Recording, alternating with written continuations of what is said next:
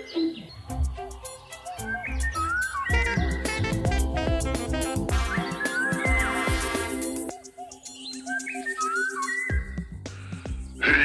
och välkommen till Pippipodden alla glada fågelentusiaster. Ja, välkomna till Pippipoddens 32 avsnitt. Vi är framme i februari, ganska sent i februari. När vi pratades vid senast så var det januari månad och då var det fortfarande höst. Vad ska man säga nu? Är det höst eller är det vår, Kristoffer? Ja, det är väl fortfarande någon slags höst fast med smak av vår. Men det verkar ju som att det har kommit en och annan snöflinga lite längre norröver i Sverige. Mm. Men vi här nere i söder, vi har fortfarande en osedvanligt mild vinter. Verkligen, och det har ju kommit in en hel del tofsvipor och sånglärkor i alla fall. Mm. Så lite vårkänning har du haft när du har varit ute? Ja, det får jag ju ändå säga. Jag var nere med Marks fågelklubb nu eh, på en eh, liten exkursionsresa den gångna helgen 21 till 23 februari i eh, Skåne. Där var det ju en hel del gäss och en hel del svanar och det som var nästan häftigast var att se en forssäla, en guläla och en sädesäla på samma lilla strand i eh, Trelleborg nedanför ICA Maxi där. Ja, var det en, en sån här östlig guläla? För att eh, våra gulärlor är väl fortfarande i Afrika? Det lär det ju vara. Den eh, lär ju ha kommit under hösten och stannat kvar. Jag vet inte om det är samma fågel som har varit i Ystad eller längre bort tidigare men det var en rolig syn. Det hade man ju knappt kunnat drömma om Det var i alltså en sån, februari. här, en sån här blek gulärla. Den var inte, inte särskilt gul alltså. Den gjorde inte så mycket skäl för namnet då. Alltså om man jämför den här gulälan med den som vi hade vid Skallkroken norr om Halmstad i höstas så är ju den här gulare i färgerna men det ska de ju tydligen kunna vara också om jag har förstått det rätt. Men den är ändå lite grann blekare än det vi, vi, vi är vana vid. Nu är vi ju vana i och för sig vid att se gulärlor när de kommer på våren och då har de ju vårdräkt i eh, slutet på april och, och maj. På vintern så är de ju blekare. Jo, sen var vi ju i Fyledalen med och det är ju häftigt att se alltså alla rovfåglarna som flyger runt där och det var ett par kungsörnar som flög runt där och ja, nästan spelflög för varandra. Har du sett något kul då? Ja, jag har inte varit ute så mycket för jag har mest suttit och arbetat. Jag ska åka iväg på en liten semester så jag har liksom bundit lite ris åt min rygg kan man säga. Men utanför fönstret så har jag haft en, eh, ett skådespel kan man säga. Eh, hela vintern har jag haft turkduvor i min trädgård och man kan ju tycka att turkduvor är ändå en relativt alldaglig fågel men nästintill varje dag har jag sett fågelskådare från när och fjärran som har kommit smygande utanför, spanande in i trädgården efter de här turkduvorna. Så det är uppenbart så att turkduvor börjar bli lite av högvilt. Men det var egentligen inte dem jag tänkte på när jag sa det här om skådespelet utan det är grönsiskor. Min trädgård är invaderad av grönsiskor. Idag räknade jag till ungefär 300 stycken samtidigt vid fågelmatningen. Hur mycket pengar spenderar du varje vecka på dem då? Ja, de är väldigt förtjusta i skalat solrosfrö de här grönsiskorna. Och de senaste veckorna har jag lagt ut ungefär 400 kronor i veckan. Men jag tycker det är värt det för att det är ett sånt skådespel att se alla de här grönsiskorna. Sen har det vid några tillfällen hänt att grönsiskor har flugit in i ett fönster. Ingen har hittills dött men de har blivit lite omtumlade och jag har fått ta hand om dem. Och att stå med en liten grönsiska i handen och titta närmare på dem, speciellt en utfärgad hanne, det är, det är väldigt, väldigt vackert. Det är en väldigt vacker liten fågel alltså. Det är verkligen kontrastrikt med de, alla de här mängderna med grönsiskor men sen har man ju inte sett en enda gråsiska här i södra Sverige. Eller jag har inte sett en enda i år hittills. Har du det eller? Nej, jag har inte heller sett någon gråsiska och jag har ändå spanat i de här grönsiskeflockarna. För tidigare år så har det brukat komma grönsiskor på vårarna när det börjar våras till min trädgård. Och då har det ofta varit ett visst inslag av gråsiskor men i år är det bara grönsiskor. Det finns väl en massa alfrön kan jag tänka mig men kanske inte lika mycket björkfrön då som eh, gråsiskorna vill ha. Ja, eller så finns det väldigt mycket björkfrö längre norrut i Sverige så att gråsiskorna har stannat kvar där. Precis, jag tänkte södra Sverige kanske Ja. är dåligt med. Ja, nej, de har kanske inte ens behövt flyga ner hit till våra trakter.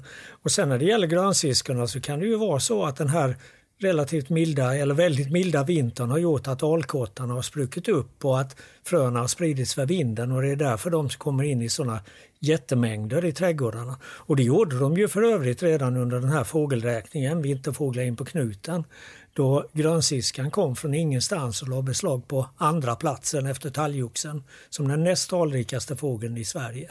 Vann pilfinken i Halland som vanligt? Ja, pilfinken är talrikast i Halland och i Skåne. I Skåne är den helt utan konkurrens. Och det är ju så att det finns en del lokala variationer. I Jämtland och Ångermanland så är det ofta domherren som är den talrikaste. Men eh, sett över hela landet så är det ju fortfarande talgoxen. Den sitter i någon sorts orubbat bo kan man säga. Och på tal om annat har vi ju tänkt prata lite om just sånglärkan i det här avsnittet. Och den är ju den vanligaste fågelarten på Öland, om jag förstått det rätt. Ja, den vanligaste häckfågeln på Öland. I övriga Sverige så är det antingen lövsångare eller bofink. Bofink i större delen av södra Sverige, lövsångare längre norrut. Men Öland sticker ju ut eh, eh, genom att sånglärkan är den talrikaste fågeln där.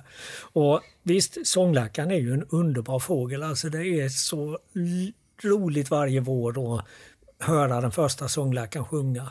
För min del var det i fredags då, då två stycken sångläkare sjöng alldeles intill en väg där jag stod.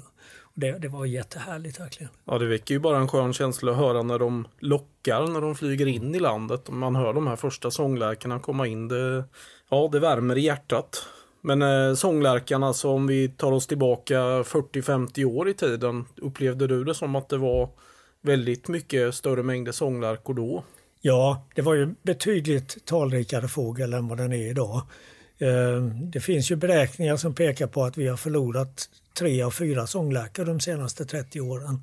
Alltså vi har bara 25 procent av det bestånd som fanns då. Och då hade ändå sånglärkan minskat i antal under ett antal år innan dess. På grund av att jordbruket har förändrats så mycket. Sånglärkan trivs ju inte riktigt, den klarar sig inte riktigt i de här hög, eh, rationellt drivna markerna. Och här runt Halmstad där vi har väldigt mycket mjölkproduktion, där har vi också stora arealer med vallar, alltså gräsvallar. Och de här gräsvallarna slås ju i regel någonstans runt den 20-25 maj första gången.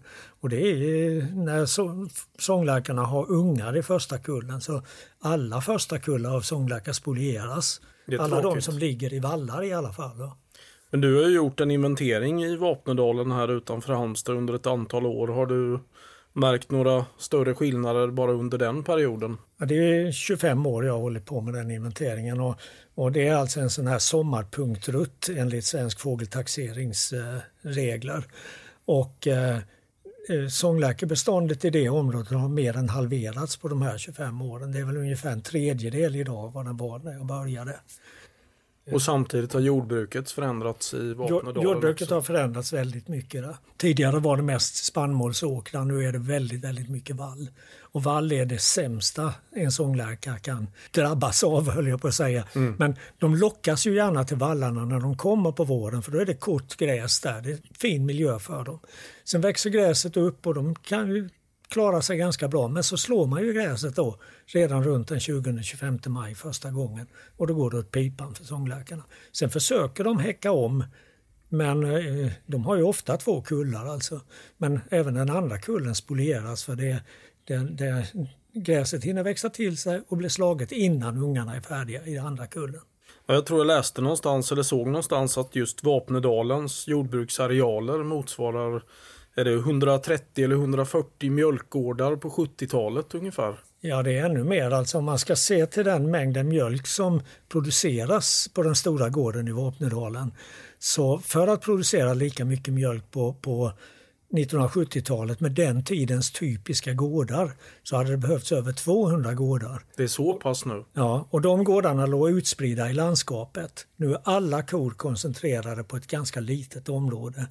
Dessutom de korna går ju inte, i huvudsak i alla fall, inte att beta på naturbetesmarker utan de betar på marker som tidigare har varit åker och som inte är biologiskt särskilt rika. Tvärtom är de ganska fattiga. Det finns lite info i den här boken Fåglarna i folktron av eh, Karl Herman Tillhagen om sånglärkan då. Att Plinius ansåg att lärkhjärtan, aska, efter en lärka eller helt enkelt den stekta fågeln var bra mot kolik. Lärkhjärtat är också enligt samme författare bra mot lomhördhet. I det att det rensar igenstoppade hörselgångar. Hörde ni det? Ja, då kanske jag borde äta lite lärkhjärtan då. Nej, det vill jag inte, men min hörsel är ju tyvärr inte den bästa. Men i det här sammanhanget så kommer jag att tänka på en annan sak. Och det är att jag för en tid sedan var inbjuden att prata om fåglar för en, en eh, grupp kvinnor. En sån här inner wheel-grupp. Och då fick jag frågan hur det kommer sig att man tror att vita storken kommer med barnen.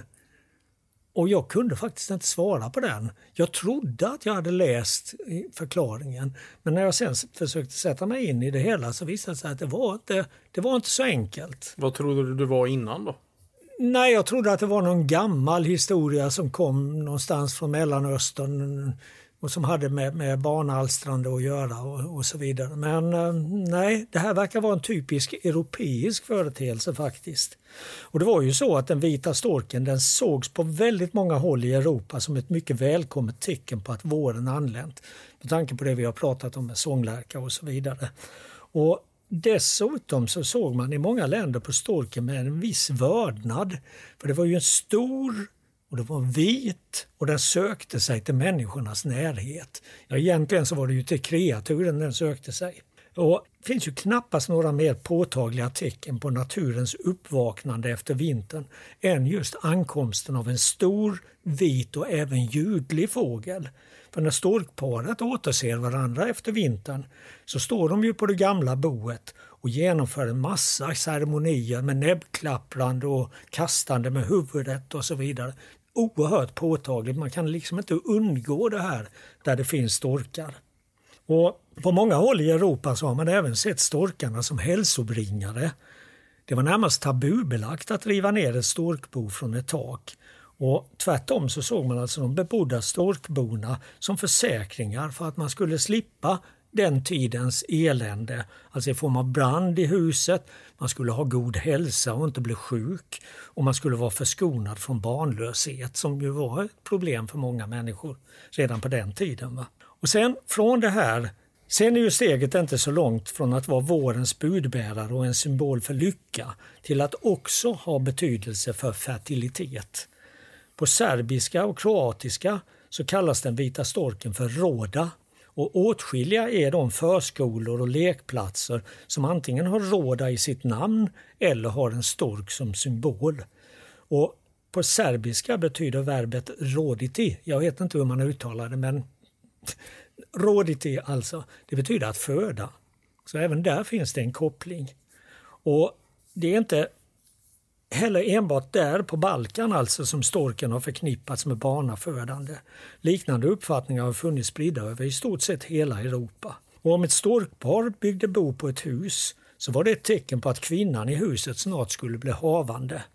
Karl Herman Tillhagen som du nämnde tidigare, han citerar i sin bok Fåglar i folktron en dansk meddelare som skrivit att lägg märke till att storken ofta bygger på prästgårdar och att prästerna har många barn. Samme Tillhagen gör också en koppling till den nordiska gudasagan där Odens bror Höner, alltså en av de här asagudarna, han hade egna storkar och dessutom ansågs han ha stort inflytande på barnafödande. Så en i Europa djupt rotad respekt för storken som en vördad fågel är alltså troligen bakgrunden till den i ganska sen tid uppkomna föreställningen att det är storken som kommer med de nyfödda barnen. Men slutligen så ska vi kanske inte bortse från att det i många kulturer och inte minst inom kristendomen varit ganska skambelagt att prata om sex, fortplantning och barnafödande. Och när vetgiriga barn frågat hur de kommit till världen då har man inte velat berätta hur det har gått till utan snarare sagt att storken kommer dig. Ja, en del fåglar har ju väldigt knasiga namn, tycker inte du det? Småfläckig sumpörna till exempel.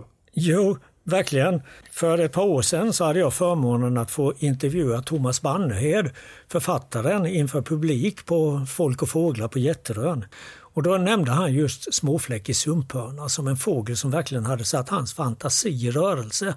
Finns det en småfläckig sumphörna så måste det ju finnas en storfläckig sumphörna. Men det gör det ju inte. Och det där är ju ett väldigt knasigt namn. På danska heter den plätted rörvaktel. Så på svenska borde den ju heta fläckig sumphörna, inte småfläckig. Var kommer de små ifrån? Nej, var kommer de ifrån? och ett annat, ett annat namn som jag tycker är väldigt knasigt, det är större hackspett. Ja, för den är ju långt mycket mindre än flera andra hackspettsarter. Ja, den är absolut inte störst. Den kommer på femte plats bland hackspettarna i Sverige efter spillkråka, gröngöling, gråspett och vitryggig hackspett. Alla de fyra är större än större hackspett. Jag antar att man har tänkt att eh, större hackspett då, att man har delat in den med mellanspett och mindre hackspett ja, på något de, sätt. Man såg de tre för sig kanske på något vis. Så. Ytterligare en fågel som har ett riktigt knasigt namn är ju entita. Den håller ju inte till bland enar. Tita kan man ju acceptera för Tita är ju ett nästan ja, europeiskt namn på mesar. Alltså, mesar heter ju titt på engelska till exempel. Men, men var, var, var kommer dessa enar ifrån? Nej, och varför kan man inte använda det gamla namnet igen, kärrmes? Ja, kärrmes är väsentligt mycket bättre tycker jag. Men då kanske andra mesar måste döpas om också? Om man döper den till kärrmes, vad ska ja. talltita heta då? Till ja, det är ju egentligen bara talltita bland de svenska fåglarna som heter något med tita idag. Förr hette den nordisk mes, mm. men talltita är ett bra namn tycker jag, för den är, det är ju en barrskogsmes som framförallt finns i tallskog. Och stjärtmes har hetat altita med om jag ja. förstått det rätt. Det är lite gulligt det namnet, men stjärtmes är ju också ett väldigt bra namn. Andra sådana här namn som man tycker borde ha ändrats någon gång, det är ju bivråk och lärkfalk. Bivråken borde ju heta getingvråk, lärkfalken skulle väl heta svalfalk eller sländfalk. Ja, bivråk heter ju vepsevåg på danska. Ja, det är ju getingvråk. Mm. Och sen har vi ju trädlärkan. Den hör ju inte till träd egentligen, eller skog, utan den är ju en de små öppna markerna inne i skogsbygden. En gång i tiden kallades trädlärkan för torparlärka. Sånglärkan det var de rika böndernas lärka medan de fattiga torparna de fick hålla till godo med trädlärkan. Mm. Hålla till godo förresten, den sjunger ju ännu vackrare än vad sånglärkan gör. Sen har vi ytterligare lite konstiga namn som Kentsk tärna. Ja, mycket märkligt. Det lär komma ifrån att den första gången beskrevs i grevskapet Kent i, i Storbritannien. Och sen har vi ju det här paret med myrspov och rödspov. Myrspov borde ju heta tundraspov för det är ju en tundrafågel. Eller så kunde den heta rödspov för den är ju mycket rödare än vad rödspoven är. I alla fall hannarna. Och sen har vi ju det här med bredstjärtad labb också. Ja. Vad skulle den heta egentligen tycker du? Nej, jag vet inte. Det lär ju ha funnits ett gammalt namn som var mellanlabb. Jag läste ju att någon för, föreslog tundralabb på bredstjärtad labb, men det stämmer ju inte heller riktigt. Nej, även, även, även den vanliga labben, kustlabben som vi säger nu och fjälllabben finns ju på tundran. Mm. Eh, de är ju nästan vanligare på tundran, i stora delar av den sibiriska tundran i alla fall, än vad de bredstjärtade labben är. Sen har vi ju roskar som heter turnstone på engelska just för att ja, den vänder på stenar för att hitta mat. Steinvänder på tyska och stenvändare på flera andra språk eller motsvarande. Men roskar är ett charmigt namn tycker jag. Ja. Jag kopplade det till Roslagen för att eh, tidigare var det ju en ganska vanlig fågel där. Men det har tydligen, ros har tydligen med brokighet att göra. Mm. Alltså att den, den har ju en väldigt brokig fjäderdräkt. Smälter in. Sen har den också kallats för tolk. Och det har den gemensamt med en del andra vadarfåglar och det har nog med lätet att göra. Alltså att den var, kan vara ganska ljudlig på häckningsplatsen. Och gransångare förstås, den heter ju chiffchaff på engelska, samma som den låter. Men... Ja, och silpsal på tyska och tiltalti på finska. Du med lite finska rötter borde väl veta det. Det måste ha varit någon som varit väldigt motvall som har skapat detta namn. Nej men alltså gransångare var ju ett bra namn om man ser till den nordliga underarten i Sverige, den som har invandrat via Finland. För den trivs ju i frodiga skogsområden och gillar inte den här norrländska tallskogen utan den fanns ju framförallt där det var lite frodigare och där växte det gran. Men sen nu för en 30-40 år sedan så började ju den sydliga underarten invandrar till Sverige söderifrån. Och den skyr ju granskogen. Den vill ju ha de allra frodigaste lövskogspartierna. Nej men alltså det finns ju en hel lång rad med knasiga fågelnamn och kanske har ni som lyssnar på Pippipodden ännu fler exempel på sådana här löjliga namn. Vi kan ju till exempel prata om tre i mås. Vem 17 kan se att den har tre tår? I alla fall inte nu när man ser dem flyga över havet. Det där är ju en gammal jaktterm, alltså från den tiden man sköt fåglarna. Då kunde man se när man hade dem i handen att den bara hade tre tår. Och man kunde väga dubbelbeckasinen och känna att den vägde dubbelt så mycket som en enkelbeckasin. Eh, eller i alla fall något sånär på ett ungefär. Men vi tar gärna emot eh, fler tips om sådana här knasiga fågelnamn. Ja, man kanske skulle viga sitt liv till att uh, få entitan att heta kärmes igen. Där har du din stora livsuppgift nu framför dig. Då kommer en sån där Wikipedia-artikel efter att man har gått bort.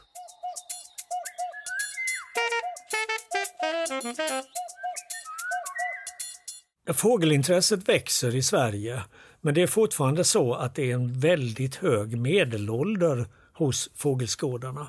Jag är en ganska bra representant för de svenska fågelskådarna eftersom jag är 68 år. Och det är tydligen medelåldern på BirdLife Sveriges medlemmar. Du, Gullet eller Kristoffer, du är ju mycket yngre än så. Men det finns ju också ett antal riktigt unga fågelskådare och de satsar på att få med fler ännu yngre fågelskådare.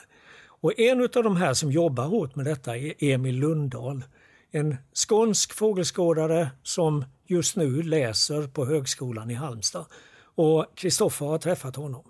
Nu sitter jag här med Emil Lundahl och tittar på vår nybäddade säng. Där ligger ett antal kuddar och där finns faktiskt en avmålad kamskrake på en av kuddarna. Vad tycker du om den? Ja, den är fin. Den sätter stämningen bra tycker jag. Ja, de har ju en väldigt häftig eh, huvudform. Det ser ut som att de har en jättestor hjärna på något sätt. Ja, det gör lite det. Lite missvisande kanske.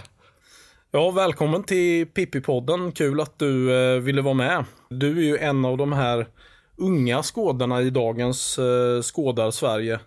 Hur började du eh, titta på fåglar? Ja, tack. Jag började egentligen genom eh, familjen. Både min pappa och min farfar var fågel, eller är fågelintresserade. Så det var egentligen där det började. Jag tror jag var ungefär tio år när jag började med på eget initiativ ute och kolla fåglar, så runt, runt den tiden. Ja, du är ju uppväxt på eh, Falsterbonäset med. Det måste ju varit en fantastisk välkomnande miljö att växa upp där som fågelskådare, eller? Ja, absolut. Det var verkligen, eh, kunde inte bli bättre. Bara en kvart ner till Falsterbonäset. Så eh, ja, perfekt. Ja, när man pratar om dagens fågelskådning, vad har haft störst betydelse för utvecklandet av ditt skådande?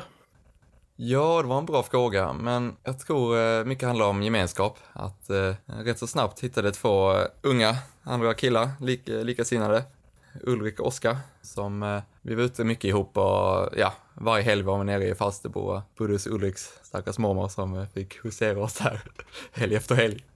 Hon tyckte nog det var trevligt. Ja, hon sa det i alla fall. Ja, mycket Billys panpizza blev det där också. Så. Men nej, så vi hade väldigt kul ihop. Så för min del var det mycket att eh, ha någon att ut och kolla fåglar med.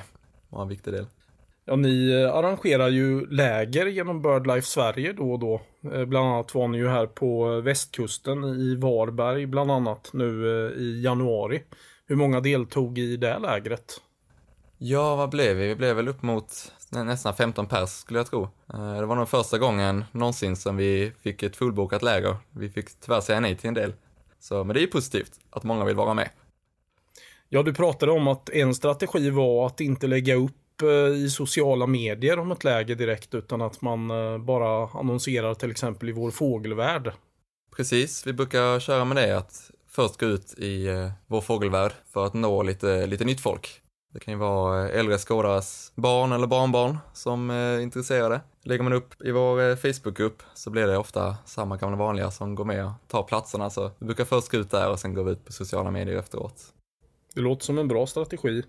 Vad tror du om återväxten bland unga skådare? Finns det en sån eller är dagens unga ointresserade av fåglar generellt sett? Nej, men jag tror absolut det finns en återväxt. Inte hur mycket som helst, men äh, det känns ändå som att, äh, ja, det har varit en liten dipp på senare år, men nu känns det som att det kommer tillbaka lite. Det är nog inte lika tabu längre att vara eh, nörd liksom. Att man, eh, ja, fågelnörd är inte lika, lika jobbigt i skolan till exempel. För unga att det var.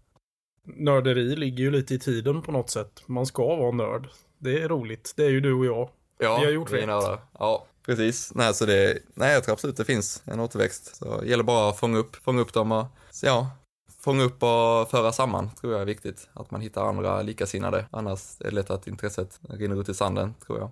När eh, till exempel eh, Vidde började skåda på eh, 50-talet, 60-talet så var ju upptäckarlusten en stark drivkraft för honom. Det fanns så mycket som var okänt, till exempel småfågelsträcket förbi Grötvik eller eh, Tärn och Lomsträck i Laholmsbukten. Finns det något kvar för eh, de nya unga vetgiriga skådarna att upptäcka? Men det finns det absolut. Jag tänker att naturen är förändlig. Det händer saker hela tiden och det finns alltid nytt att upptäcka.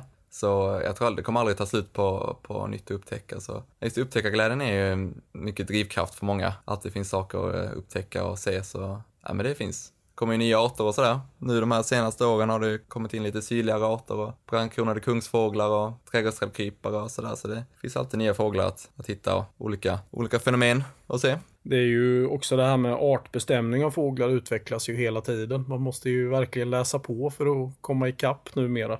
Hur skådar du fågel alltså? Åker du runt och kryssar nya arter eller gillar du att leta efter fåglar eller matar du fåglar för 400 kronor i veckan som vidde och följer dina små talgoxar vid fågelbordet? Eller vad gör du egentligen? Vad gör jag? Ja, men eh, till en början, första åren när jag kollade fåglar, då var det, vill bara se mycket liksom. Att det var både ute själva men också rätt mycket drag inom, inom Skåne framförallt. Men nu på senare år har det minskat rätt mycket. Det är sällan drag på något utan det tycker det finns ändå så mycket att upptäcka själv. Så eh, tycker mer det är värt att lägga tiden på primärskådning ute i fält, se vad man kan hitta. Det är ju verkligen den roligaste typen av skådning. Det kan ju vara slitigt och fruktlöst tidvis men när det väl lönar sig så är det ju en fantastisk typ av skådning. Verkligen. Finns det något väsentligt som saknas eller görs på fel sätt i dagens BirdLife Sverige för unga skådare? Ja, det var en bra fråga. Alltså vi, har ju det här ungdomsgårdarna, där jag är med och några andra unga också. Men vi har egentligen mer, målgruppen är huvudsakligen eh, 12 till 25 brukar det bli, för att det ska funka på läger och sådär. Kan man inte alltid vara för ung. Så, eh, men egentligen där, eh, innan man har fyllt 12, kan det vara lite svårt kanske att eh, hitta något eh, sammanhang, någon gemenskap. Så man skulle ju kunna börja med något, till exempel knatteskådarna eller någonting. Någonting däremellan innan man har kommit upp i den åldern. Det är i så fall det. Annars tycker jag BirdLife Sverige gör ett bra jobb och lägger mycket krut på unga. Ja, du är väl eh, själv 23 år gammal va? Ska fylla 23 om eh, några veckor, precis. Du har ju vistats i Azerbajdzjan tre gånger och Libanon bland annat en gång. Vad är det du har gjort där? Ja, men du har varit med och deltagit i så kallade Bird Camp. Det är Thomas Haraldsson som har startat det här initiativet med att anordna fågelläger i, runt om i Mellanöstern. Eh, mycket för att ja, visa att ett gemensamt intresse kan eh, föra samman unga oavsett eh, bakgrund och kultur och allt möjligt. Så, så det är väldigt bra och kul initiativ där. Så det är med det här Bird Camp, har varit i Azerbajdzjan och Libanon. Och så ska vi i vår till Cypern också, utvidga det här Bird Camp-konceptet. Ja, jag är väldigt avundsjuk. Är BirdLife inblandat i det här på något sätt eller? Absolut. BirdLife Sverige är en stor del av detta. Samma sak som med OSME, fågelföreningen i Mellanöstern, BirdLife-partner där.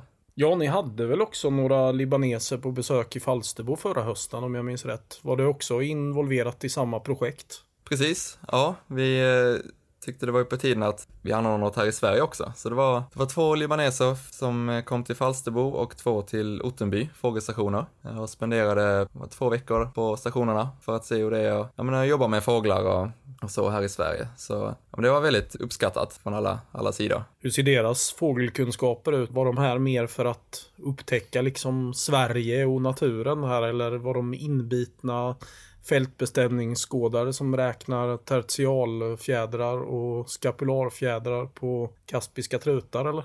Ja, inte riktigt där kanske, men eh, de var involverade hemma i skolorna. De hade, har en natur, liten naturgrupp, så det var, det var de fick förtur att åka på detta. Så de har, det, har intresse för natur och, och fåglar. Man har inte lärt sig så mycket om fåglar som tidigare, men eh, de var väldigt, eh, tyckte det var väldigt kul och lärde sig väldigt snabbt och ja, ja men de, ja, vi hade kul ihop allihopa så.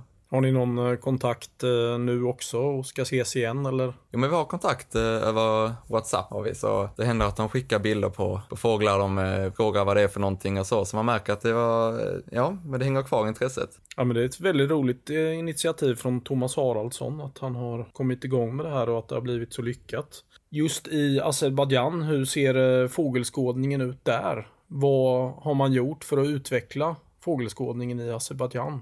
Ja, men det ser ut att gå väldigt bra där fram till eh, förra året. Fram till dess hade det blivit större och större och man hade byggt upp ett, eh, ett vindskydd för sträckräknare, stå där och räkna.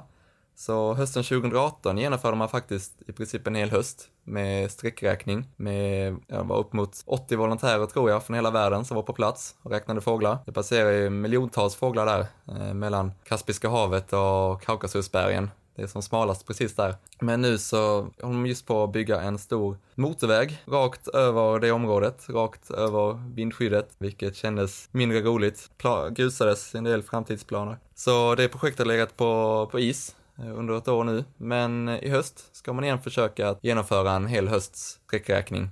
Så där kan man söka som volontär, åka ner i höst och räkna fåglar. Kan jag varmt rekommendera. Det är riktigt häftigt. Kan du berätta lite om några upplevelser du hade där? Vad såg ni mycket av till exempel? Eller hade ni några häftiga fågelarter? Ja, det var hur mycket som helst.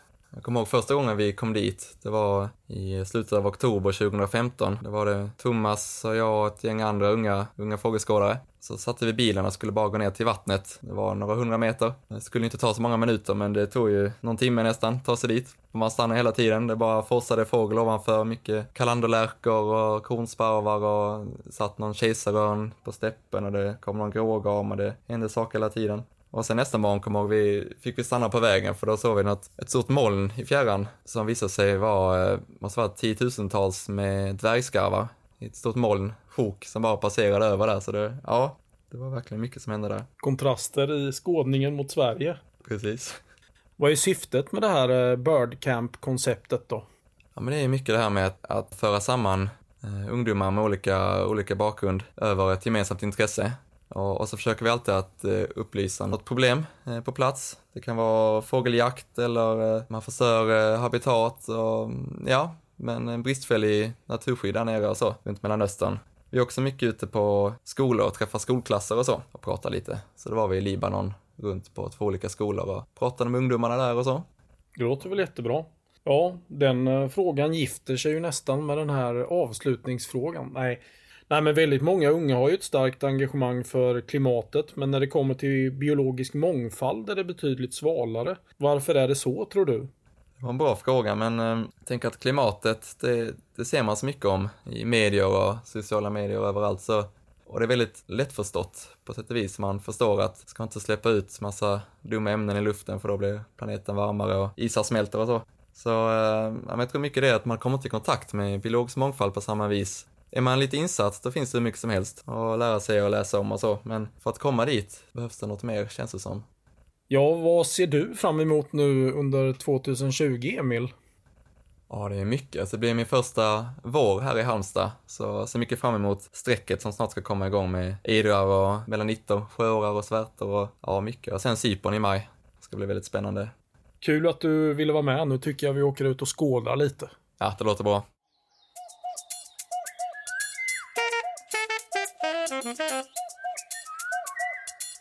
I Pippepodden tar vi ibland en titt på aktuell fågelforskning och just idag så stötte jag på en intressant rapport från en studie som har gjorts i Danmark men som säkert även har betydelse för svenska förhållanden.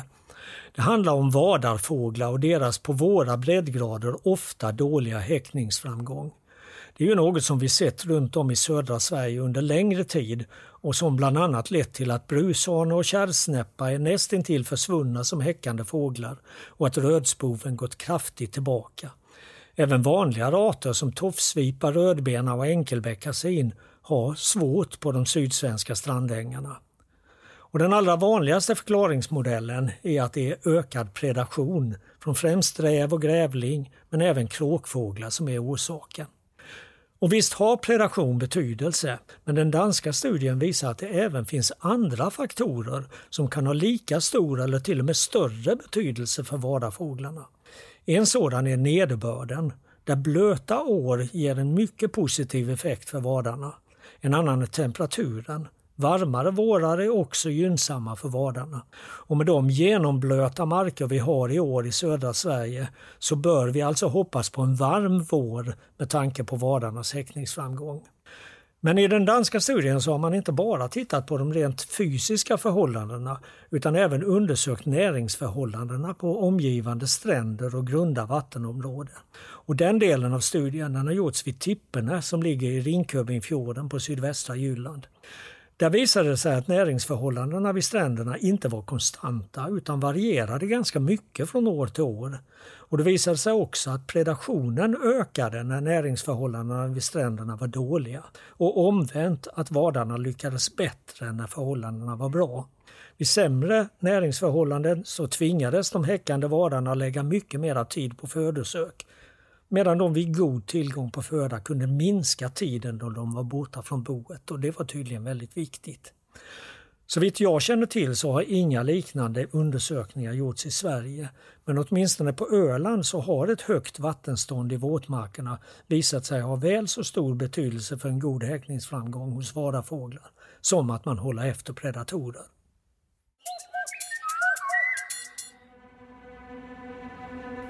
Om vintern ser jag snöflingorna falla och tänker på hur varmt och skönt fiskgjusarna har det nere i Afrika. Min längtan efter deras återkomst får mig att åka ut till den isbelagda sjön där det snötäckta botträdet från den gångna säsongen står ute på ön. Det är alldeles tyst. Förutom några korpar som flyger över skogen. En vintervärld i svart och vitt.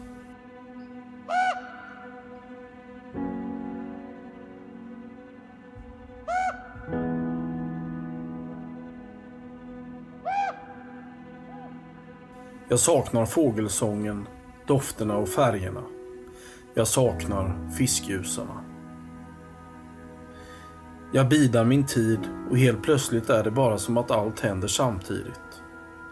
Våren kommer och jag tar mig ner till sjön och hoppas. Tiden stannar just där och då när två storlommar småpratar och ropar samtidigt som de simmar förbi på några meters håll. Livligt ackompanjerade av ropen från årets första fiskljusar.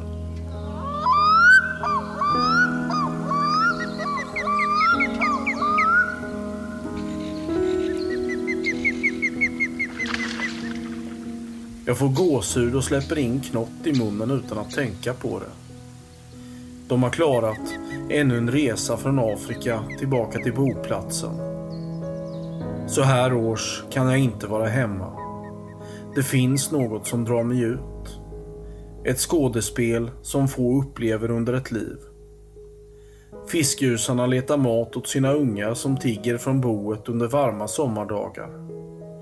Jag ser de skickliga jägarna slå gädda, ruda och braxen med en precision som vässats fram till perfektion genom tusentals år av evolution. Det här är på djupet. Naturen regisserar en gratis föreställning. En onumrerad stubbe är min plats. Allt detta hade fått en femma av vilken recensent som helst. Fiskljusen är något unikt. Den är både örn, vråk, falk och hök i samma fågel. Vi talar inte samma språk. Men jag tror att vi någonstans förstår varandra. Hösten kommer och de flyger söderut igen. Jag går bland fallna höstlöv och vet att fiskgjusarna kommer tillbaka nästa år igen. För dem är en av orsakerna till att livet är värt att leva.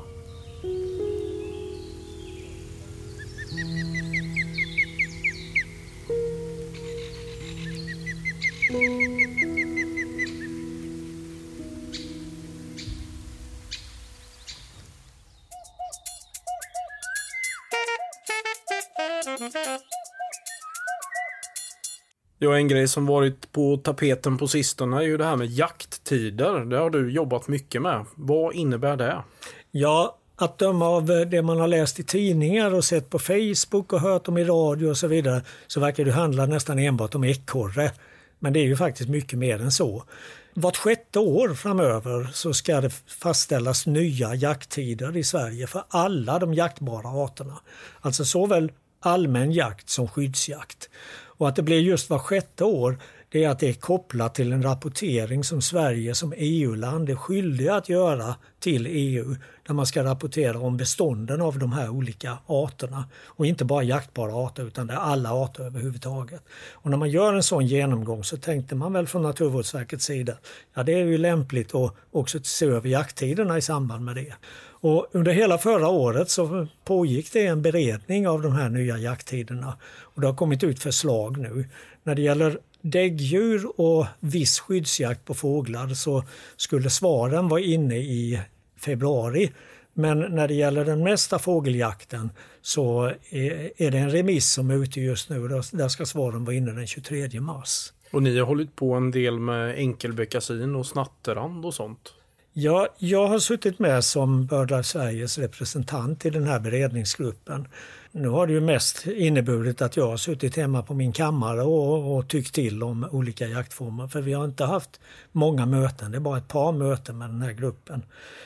Det är ju så att det, det, fåglar kommer och går. Vissa fågelarter ökar, andra minskar. Och det kan, det kan ju vara skäl till att man ser över jakttiderna. Men sen kan det också ha att göra med att det kommer beslut ovanifrån. Och tittar man nu på det förslag som ligger när det gäller fåglar så ska man återinföra jakt på två fåglar och man ska avskaffa jakt på fem fågelarter. Och de fem där man ska avskaffa jakt är särgås, ejder, alfågel, småskrake och gråtrut.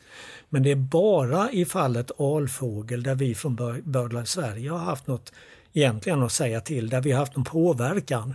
För att när det gäller särgås så kom det kan man säga order uppifrån från något som heter AEVA som är en internationell sammanslutning när det gäller gäss. Yes. Eider och småskrake, där kom det minsann order ända från EU-håll. Och när det gäller gråtruten så är den rödlistad. Och eh, det är en av kriterierna som man har när det gäller de här jakttiderna. Att rödlistade arter ska man inte jaga på. Va? Eidern håller väl nästan på att bli rödlistad snart kanske? Den kommer förmodligen att bli rödlistad i nästa omgång, det skulle jag tro i alla fall. Nu ska vi säga det också att när det gäller gråtruten så tror jag inte den här, det här jaktstoppet kommer att ha någon betydelse för att skyddsjakten på gråtrut kommer att finnas kvar. Och det allra mesta av den jakt som har skett på gråtruta i Sverige under de senaste decennierna har varit i form av skyddsjakt. Och sen de två arterna som, där jakt ska återinföras, det är snattrande och enkelbeckasin. Snattran fanns det jakttid på för länge sedan, alltså om vi går tillbaka till 1950-talet och snattranden var jätteovanlig i Sverige. Då var den faktiskt jaktbar. Enkelbeckasinen, men, men jakten avskaffades på 1950-talet på snattranden. ska jag säga. När det gäller enkelbeckasinen så avskaffades jakten vid millennieskiftet. Men där vill man alltså ha tillbaka jakten. Och sen har det blivit en sån här löjlig konstruktion att eftersom det finns en förväxlingsrisk med dubbelbeckasin och dubbelbeckasin är ju rödlistad och hotad och, och mm. väldigt ovanlig dessutom så har man sagt att jakttiden får inte börja förrän den 1 oktober. Och då har de allra flesta enkelbeckasiner lämnat Sverige. Så det, det, är på något vis någon löjlig konstruktion för att tillgodose en liten grupp väldigt högljudda jägare skulle jag tro. Det här med enkelbeckasin. Det, det, det, det är riktigt, riktigt dumt. En annan känslig diskussion är ju det här med om tranor ska få börja jagas men det vågar man väl knappt prata om höll jag på att säga. Ja, alltså det gäller ju alltså skyddsjakt på trana och sångsvan. Det har varit möjligt de senaste åren. Men då har man fått ansöka om detta hos respektive länsstyrelse. Mm. Nu vill man införa ett system som kallas för skyddsjakt på enskilds initiativ.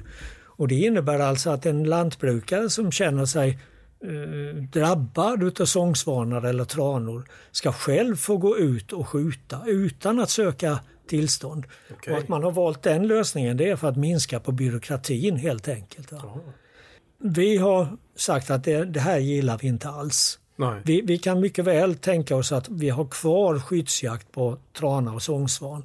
Men att man då måste gå tillväga på samma sätt som tidigare, alltså ansöka hos Länsstyrelsen för att, att få, få bedriva den här skyddsjakten. Och om man sen får tillstånd till skyddsjakt så anser vi att man ska bara få skjuta en fågel och man ska skjuta ungfåglar när det gäller då trana och sångsvan.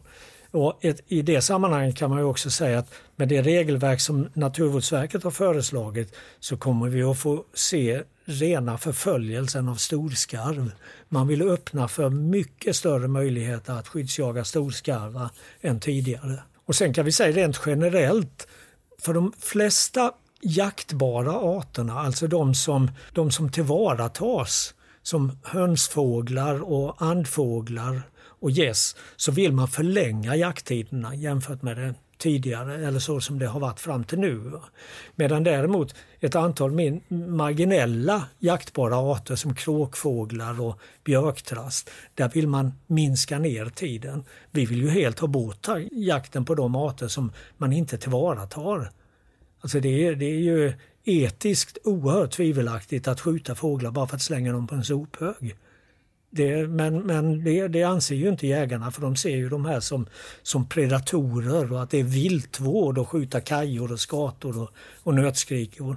Och, och björktrasta vet jag, vet jag inte vad man använder till för att det, det är väl en kvarleva från den tiden då vi både dödade och, och åt kramsfåglar i Sverige. Antagligen. Vi har ju lite problem med tranor på Jätteröns naturreservat. Alltså de rensar ju vadarbon på marken och sådär. Alltså plundrar upp hela ja, de norra ängarna kan man säga. Ja, utan tvekan så finns det problem med tranor och som jag ser det så är det här ett stort och egentligen europeiskt problem. För tranorna är lika välkomna av den stora allmänheten var de än dyker upp. I Gallocanta i Spanien har man stora tranfestivaler. Man har det i Frankrike, man har det i Tyskland och vi har det i Sverige. Det är ju häftiga fåglar. Det är jättehäftiga fåglar. Va? Och man, I vissa fall så utfodrar man dem. I andra fall så gynnas de av dagens jordbruk, inte minst majsodlingen nere på kontinenten av att rena bonusen för tranorna. Men vi får ju det här problemet att tranor är allätare. Och dyker det upp en flock med ungtranor på sommaren. De samlar sig ofta i rätt stora flockar. Då. Dyker en sån flock upp i ett viktigt fågelområde, ja då har vi ett fågelskyddsproblem verkligen. Och jag tycker att man borde starta en diskussion, mera övergripande diskussion kring tranorna. Hur ska vi hantera dem framöver? Kan vi hålla på och liksom hålla dem under vingarna? Det är nästan inga tranungar som dör på vintrarna numera. Förr var det en flaskhals. Mm. Kan vi hålla på att hålla dem under vingarna samtidigt som vi får de här problemen? De är kanske inte jättestora i Sverige. Vi har betydligt större problem med de amerikanska tranorna som är lika, lika populära på sina vinterkvarter och sina rastplatser och som sen uppe i Alaska, Kanada och nordöstra Sibirien är ett jättebekymmer för de häckande vadarfåglarna där.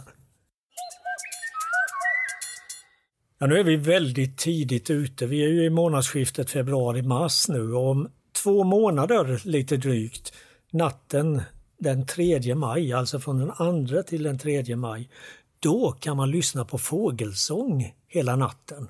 Det låter häftigt. Verkligen. Vi fick ett mejl här där det står För första gången i Sverige kommer P1s Naturmorgon direktsända fågelsång från hela världen.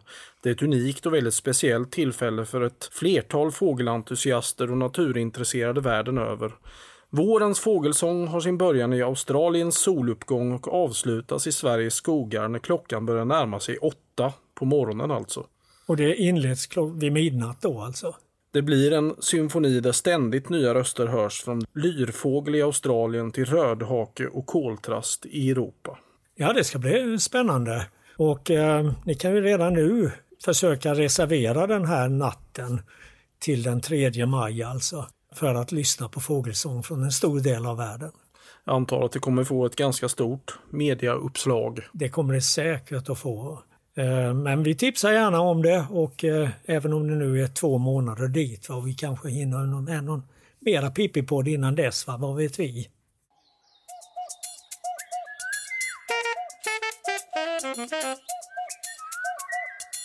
Snart börjar mars månad. Längtar du efter något särskilt då? Ja, ännu fler vårfåglar. Och lite varmare väder, lite torrare väder framför allt än vad vi har haft. Men visst, alltså när våren gör det där riktiga genombrottet. Det kommer ju här nere i södra Sverige ofta i slutet på mars månad. Då det plötsligt kommer ljungpipar, bruna kärrhökar, dubbeltrastar, massa fåglar på en gång. Sädesärlor springer överallt. Ja, det där är en dag att se fram emot. Första skärfläckan, första mars kanske, vem vet? Just i år är det ju dessutom skottår så då kanske första skärfläckan kan komma 29 februari. Du får väl hålla koll på det på Jätterön där du jobbar lite från och till. Ja, man pratar ju om det här med bra bokollonår och alla de här bergfinkarna och att det kanske blir ett bra sorkår också. Kan det bli ett bra uggleår nu?